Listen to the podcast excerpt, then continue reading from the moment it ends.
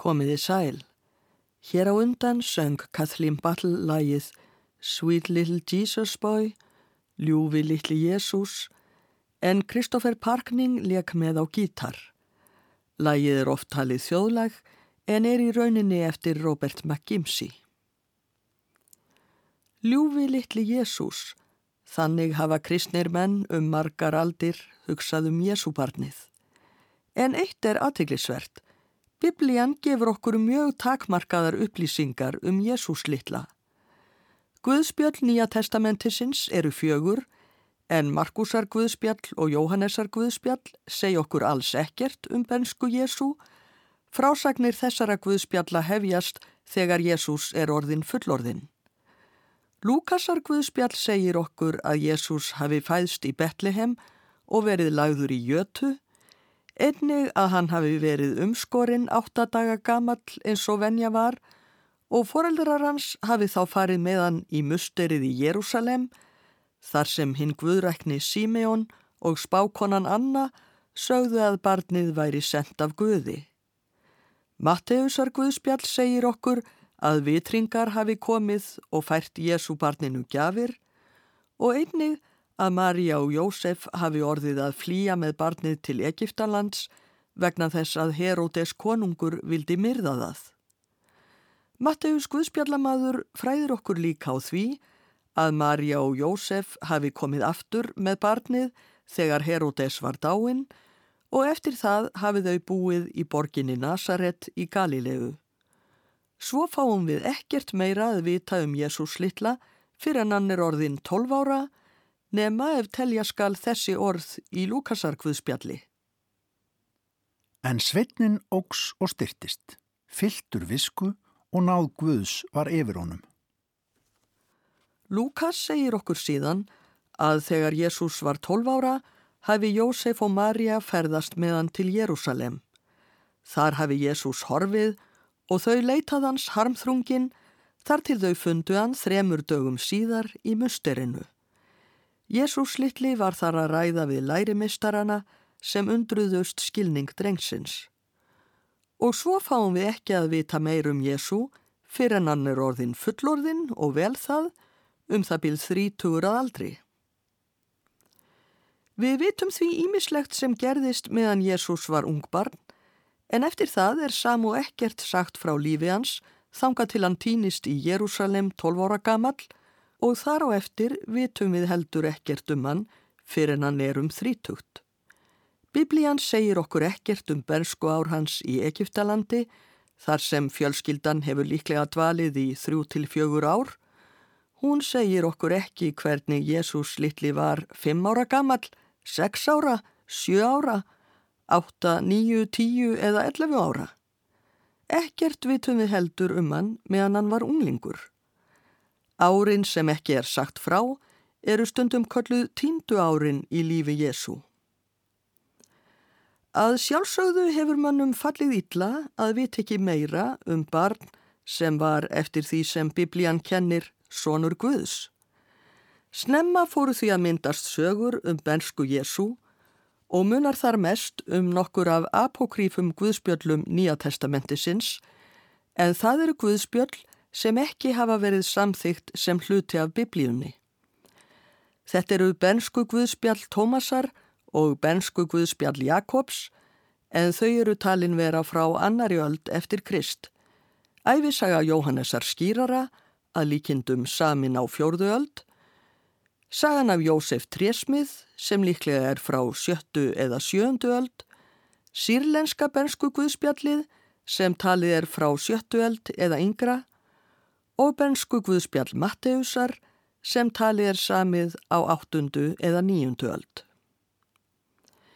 Við þessi apokríkfu Guðspjöll bættus svo ýmsar sagnir og helgisögur og þegar komið var nær okkar tíma reyndu ýmsir nafngreindir höfundar að ímynda sér bensku ár Jésu í ljóðum og skálskap. Í þessum þætti verður flutt tónlist sem tengist frásögnum um bensku ár Jésu þau ár sem biblían segir ekki frá. Einn þekktasta sögnin um bensku Jésu er frásögn bensku Guðspjáls Matteusar um það að á flóttanum til Egiptalands hafi Marju langað í ávexti af pálmatré sem var of hátt til þess að hægt væri að klifra upp í það en Jésubarnið hafi þá skipað pálmanum að beigja sig og Marja týnt af trénu næju sína. Þessi saga er endursögð í ennskum jólasöng sem kallaður hefur verið The Cherry Tree Carol, jólasöngurinn um kirsuberjatréð og er talin vera frá 15. öld í sinni eldstu mynd. Þar er pálminn orðinað kirsuberjatré og Jésús litli er ekki fættur, heldur talar hann beinlinis úr móðurkviði svo hann er meir en lítið bráðfroska. Frá Englandi bast þessi söngur til Ameríku og söngkonan Jean Ritchie sem fættist í Kentucky 1922 söng ameríska gerð af söngnum inn á plötu árið 1959. Í tekstanum má heyra að Marja byður Jósef um kirsuber en hann svarar henni ónótum um það að fadir barðsinn sem hún gangi með geti tínt hann henni kirsuber. Jésúbarnið talar þá úr móðurkviði og fær treð til að beigja sér niður og gefa Maríu kirsuberinn. Jósef samfærist um guðlegan uppbruna barðsins og spyrðað hvenar það muni fæðast en það svarar 7. janúar. Þetta svar kemur kannski einhverjum á óvart en fyrr á öldum færðist dagsetning jólana til og voru þau um tíma haldinn í kringum 7. janúar. When Joseph were an old man, and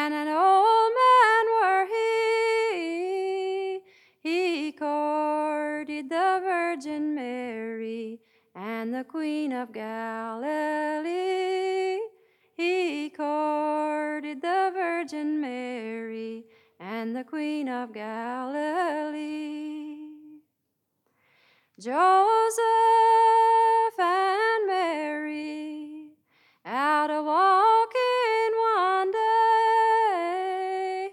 Here is apples and cherries, so fair to behold.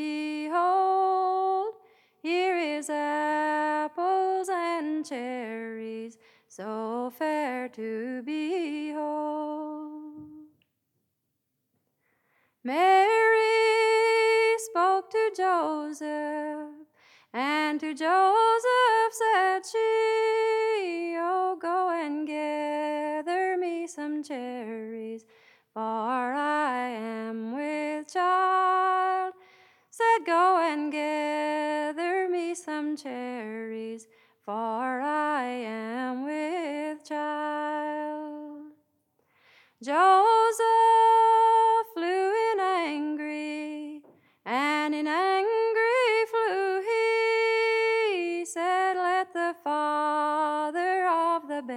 baby gather cherries for you.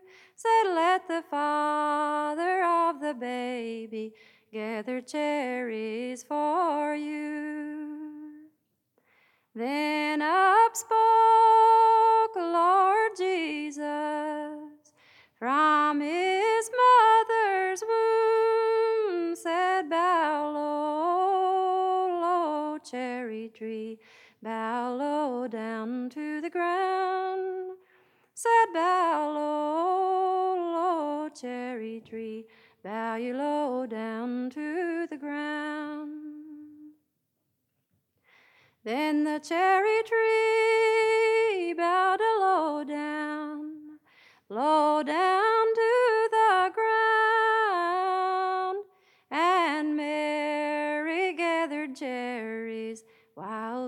Joseph stood around, and Mary gathered cherries while Joseph stood around.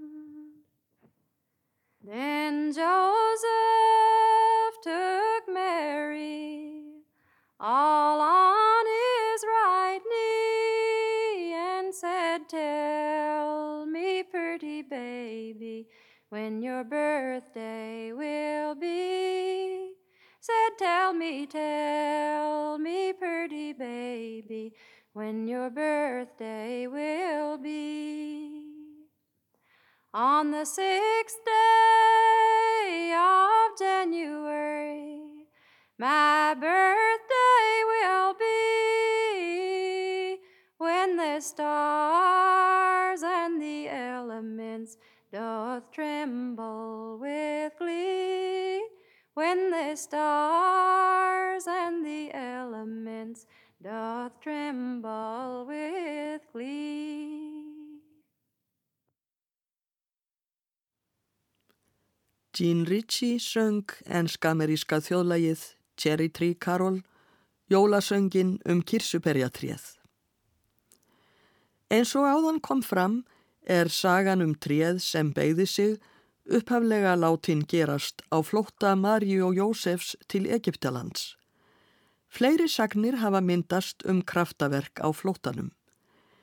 Einn þeirra er endur sögð í gömlum jólasöng frá Suður Fraklandi La Fugida en Egite eða Flóttin til Egiptalands. Á flótta sínum hitta Marja og Jósef bonda sem er að sá korni og byggja hann að hjálpa sér. Hann samþykir að fela þau og barnið. Marja segir honum að nú skuli hann sapna saman uppskeru sinni. Hvernig get ég skorið upp þegar ég var varla búin að sá, svarar bondin, en fyrir kraftaverk þroskast kornið á leiftur hraða og verður tilbúið til uppskeru. Bondin er því að samna saman uppskerunni þegar hermenn Herodesar koma í leitað Jésúbarninu. Hefur þú séð Maríu með barn sitt, spyrjaðir bondan. Hann svarar sannleikanum samkvæmt, já, hún kom hingað þegar ég var að sá korninu. Fóringi hermannanna lítur á fullþroskað kornið og segir, það hefur þá verið í fyrra. Svo snúa hermennir við og fjölskyldan Helga er hólpin.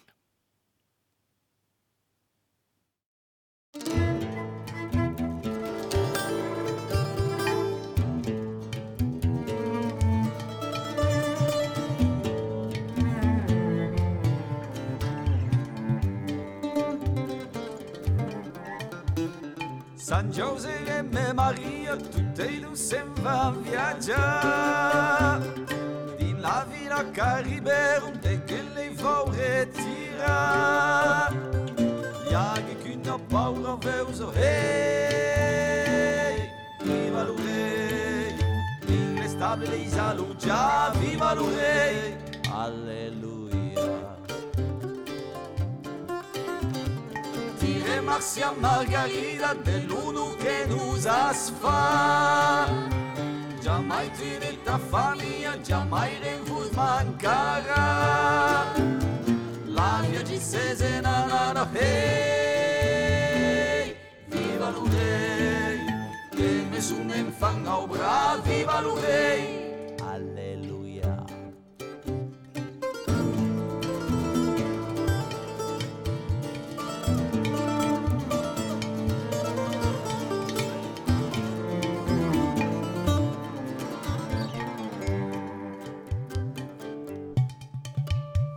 Fejsawem duje brawome, będzie same na sombra.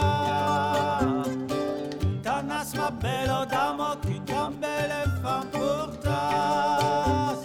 O digo buje brawome, hej, viva l'oreille, pour vous reste tout l'oreille.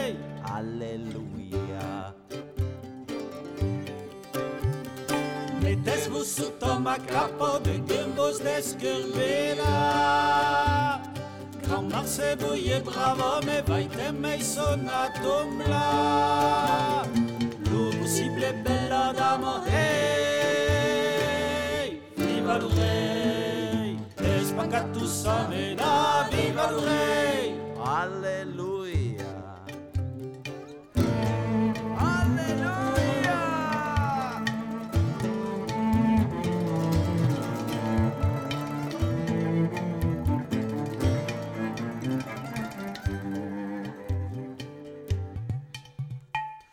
sort en cavalleria, tu demari renega. bravo buie bravamente che mi sono estombra. Asmalis passa Maria, hey, dicono hey, e mi sono infangau bravi, ma hey.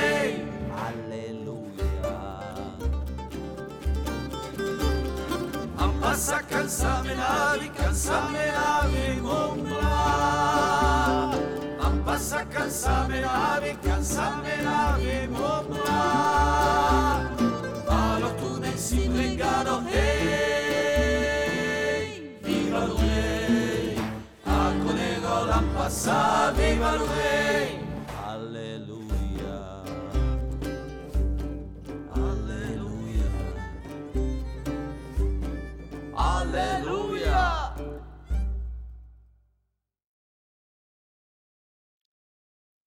Patrick Vaillant, Daniel Francin og Renasset sungu La Fusida Egypte, flóttinn til Egiptalands, gamlan söng frá Suður Fraklandi og hér var sungið á Suður frönsku málískunni Provensölsku.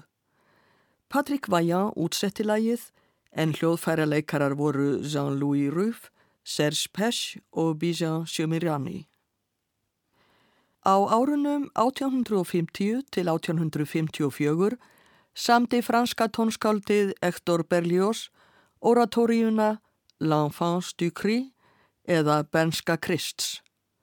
Tekstan samdi hann sjálfur með hlið sjónað biblíunni. Við heyrum nú kapla úr oratóriunni. Maria og Jósef eru komin með Jésúbarnið til borgarinnar Sæs í Egiptalandi. Maria er að hníga niður af þreitu og hungri, hún hefur enga mjólk í brjóstunum lengur og óttast um barnið. Jósef berað dýrum á tveimur húsum og byður um hjálp en fær þau svör að flakkarar séu óvelkomnir. Á þriðja staðnum býr hins vegar fjölskylda Ísmaelíta og fadirinn býður þeim inn.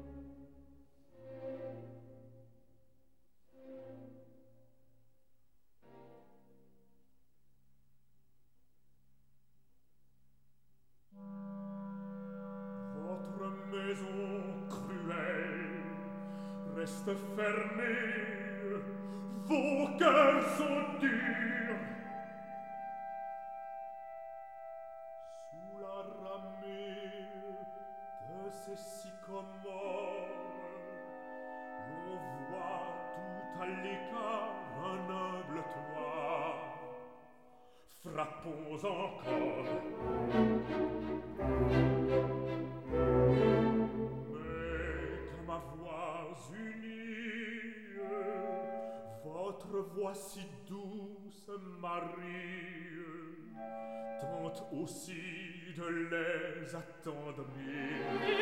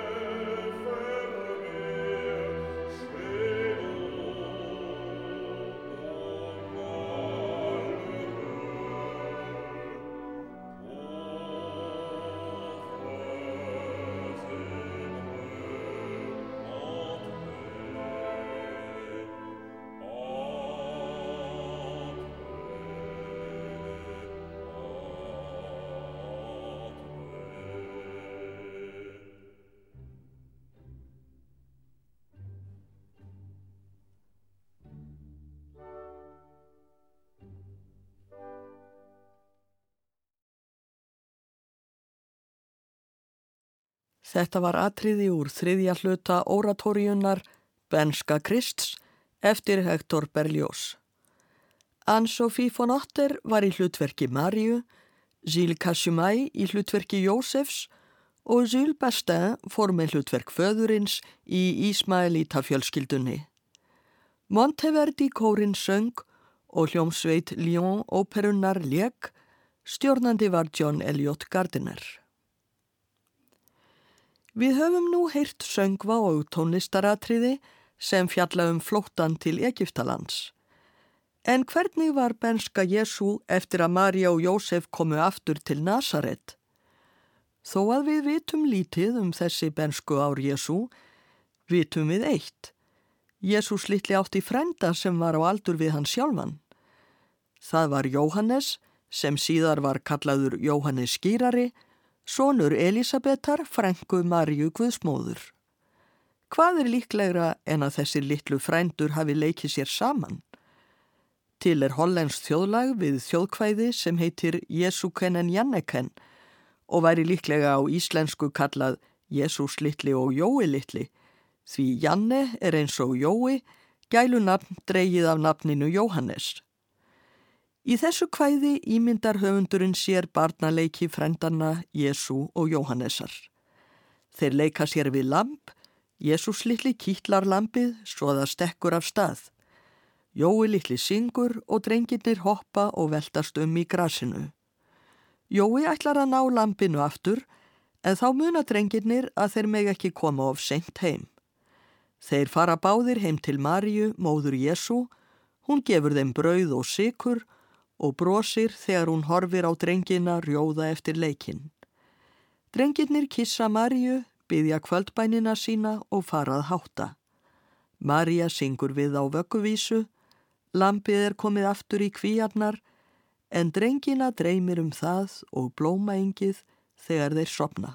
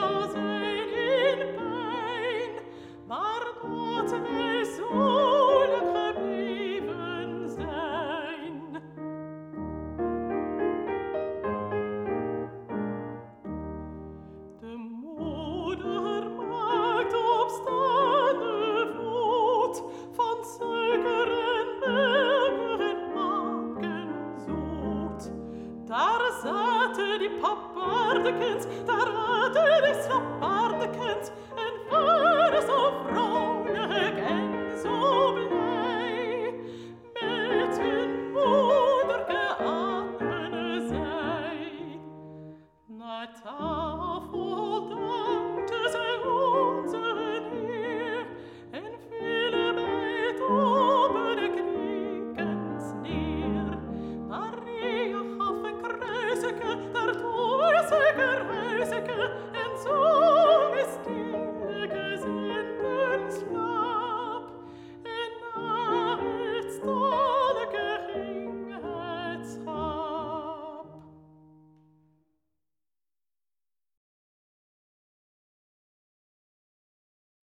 Madeline Essermyten söng hollenska þjóðlagið Jesúkenen Janneken, Jesús litli og Jói litli.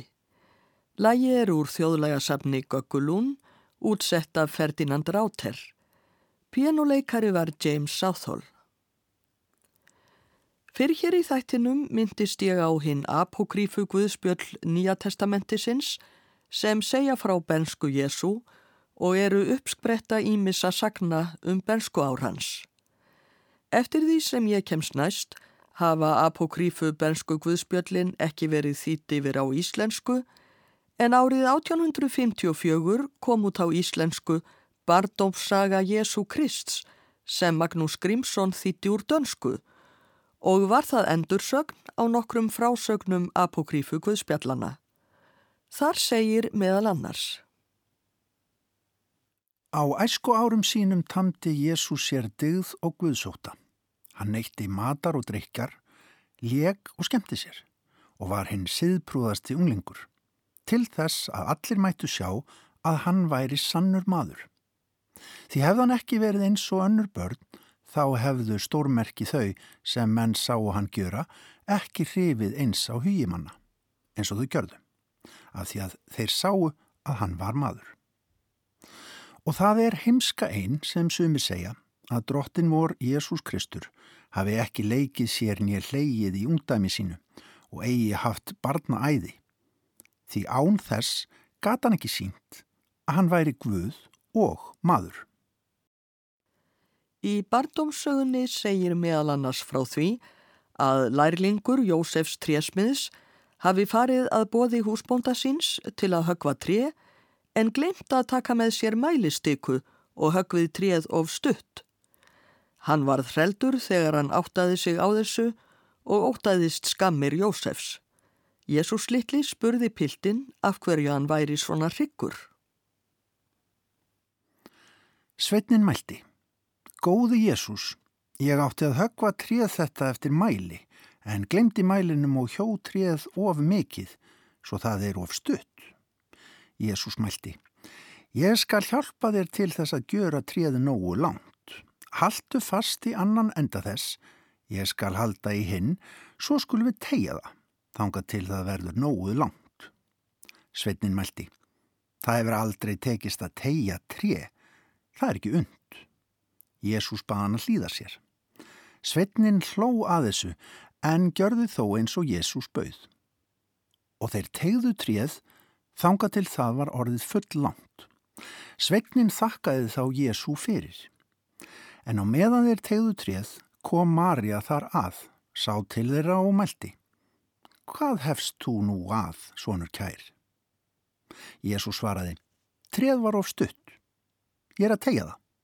Þá hló Marja mei og glattist af því að sjá Guðdómsmátt svona síns. Sumar frásagnir í apokrífum Guðspjöllum Nýja testamentisins, eins og til dæmis í bernsku Guðspjalli Matteusar, gefa fremur undarlega mynd af barninu Jésu. Notar hann þá híklaust Guðdómsmátt sinn til að drepa alla sem móðgan eða ángra á einhvern nátt og er það ekki í miklu samræmi við kærleiks boðskap Krists síðar meir. Enska þjóðkvæðið og þjóðlægið The Bitter With Thee eða Biski Víðurinn er í anda þessara frásagna þótt að sé ekki algjörlega samhljóðan einnig þeirra. Í kvæðinu fer Jésús litli út að leika sér og hittir þrjá drengi. Hann byður þá að leika sér við sig en þeir segjast vera hátt yfir hann hafnir. Þeir séu sínir aðalfsfolks, fættir í höllum en hann aðeins sonur fátækrar megar og fættur í fjárhúsi. Jésús heitir að sína þeim að hann sé þeim æðri og hann býr til brú úr sólargeislum. Hinnir drengirnir eldaðan upp á brúna en falla þá niður í ána og drukna. Eins og næri má geta verða foreldrar drengjana reyðir og kvarta við Marju mei. Hún leggur Jésu litla á hnésir og slæra hann þrjú högg með víðitág. Þá formælir Jésús hinnum beiska víði og segir að hann skuli vera eina jurtin sem rótni innanfrá. Tónlistarhópur undir stjórn Benjamins Pierce Higgins flytur nú enska þjóðlægið og þjóðkvæðið The Bitter With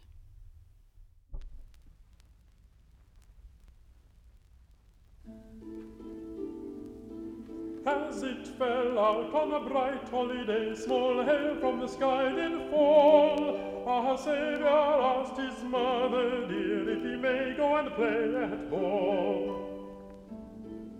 At ball, at ball, my own dear son, it is time that you would go. And don't let me hear of any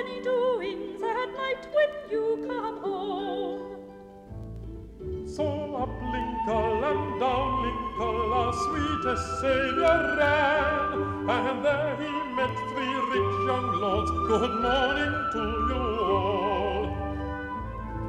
Good morn, good morn, good morn, said they. Good morning, then said he. Oh, which of you three rich young men will play at ball with me.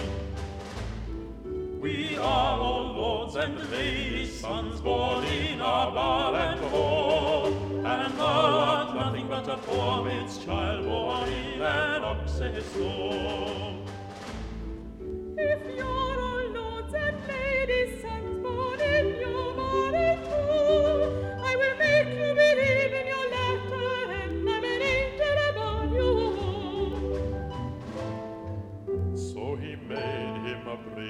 The beams of the sun, and all the water crossed he. These rich young lords followed after him, and drowned they were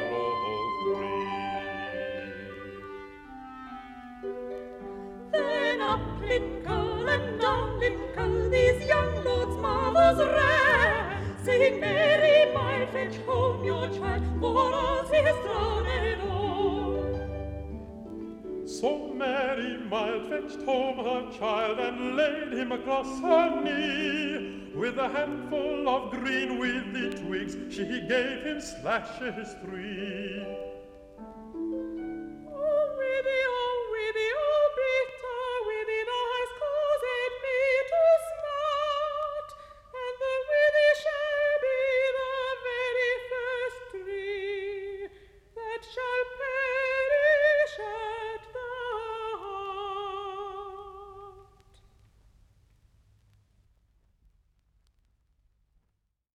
Þetta var enska þjóðlægið og þjóðkvæðið The Bitter Withy. Benjamin Pierce Higgins útsetti lægið og stjórnaði tónlistarhópnum sem flutti það.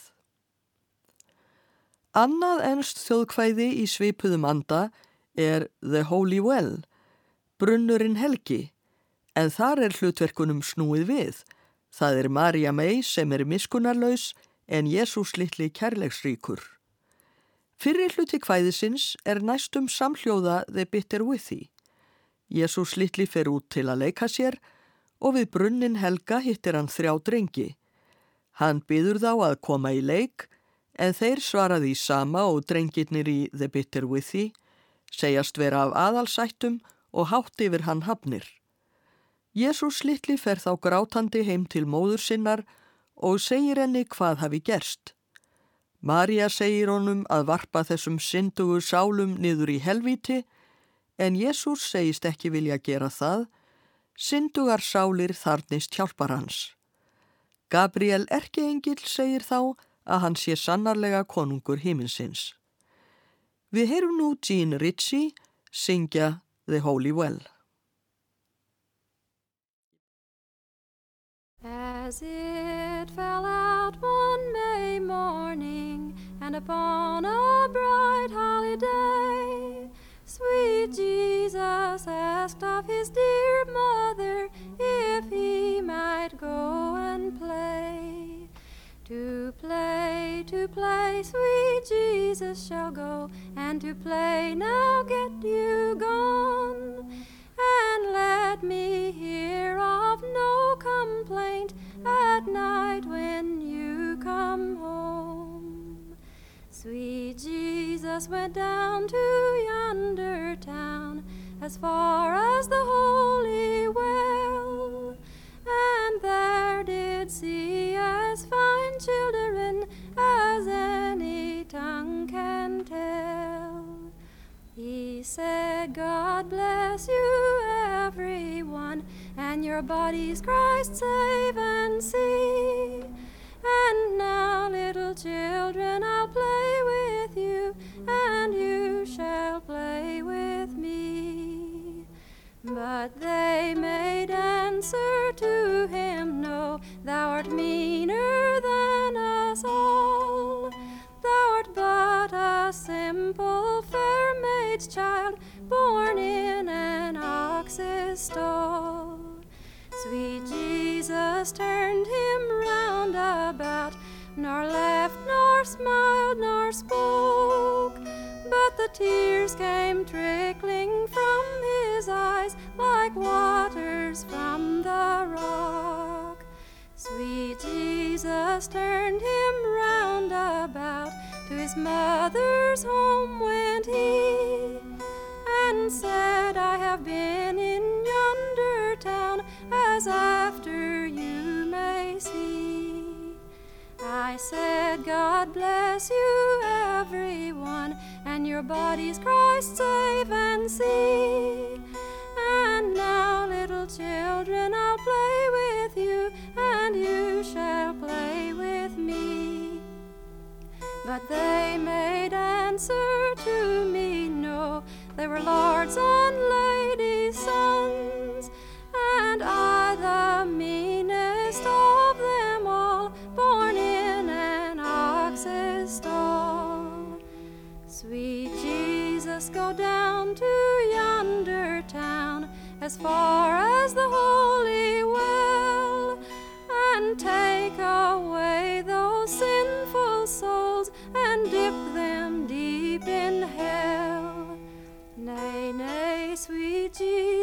smiled and said, Nay, nay, that may not be, for there are too many sinful souls crying out for the help of me. Then up spoke the angel Gabriel upon a good set stem. Although you're but a maiden's child, you are the King of heaven.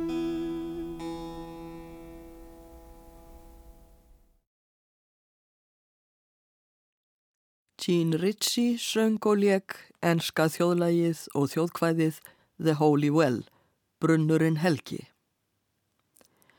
Síðasta kvæðið sem hér verður sungið er ekki þjóðkvæði, heldur ljóð eftir bandaríska skáldið Richard Henry Stoddard. Ljóðið byrtist í amerísku tímariti árið 1856 undir heitinu Rósir og Þyrnar. Árið 1877 þýtti Alexei Plesjev kvæðið yfir á rúsnesku og það byrtist í rúsnesku tímariti með titlinum Helgisögn. Tónskáldið Pjótr Tchaikovski samt í lag við hina rúsnesku gerð ljóðsins árið 1883, fyrst sem einsöngslag og síðar útsettan það fyrir kór. Í kvæðinu segir, þegar Jésús var barn átti hann rósagarð og vökvaði rósinnar þrísvar á dag. Þegar þær blómguðust, bauðan gýðingabörnunum inn í garðin. Hvert þeirra týndi blóm, svo garðurinn varð auður. Hvernig ætlar þú nú að binda þér sveig, sögðu þau við Jésú. Það eru enga rósir eftir í garðinum þínum. Þið gleymið að ég á þyrnana eftir, sagði Jésús. Þau bundu honum þyrni kórunu og í stað rósa komu blóðdrópar. Rúsneski filharmoníukórin syngur nú að lokum lagið Helgisögn, Legenda eftir Pjótr Tchaikovski. Valeri Poljanski stjórnar. Ég þakka hlustendum samfildina, verði sæl.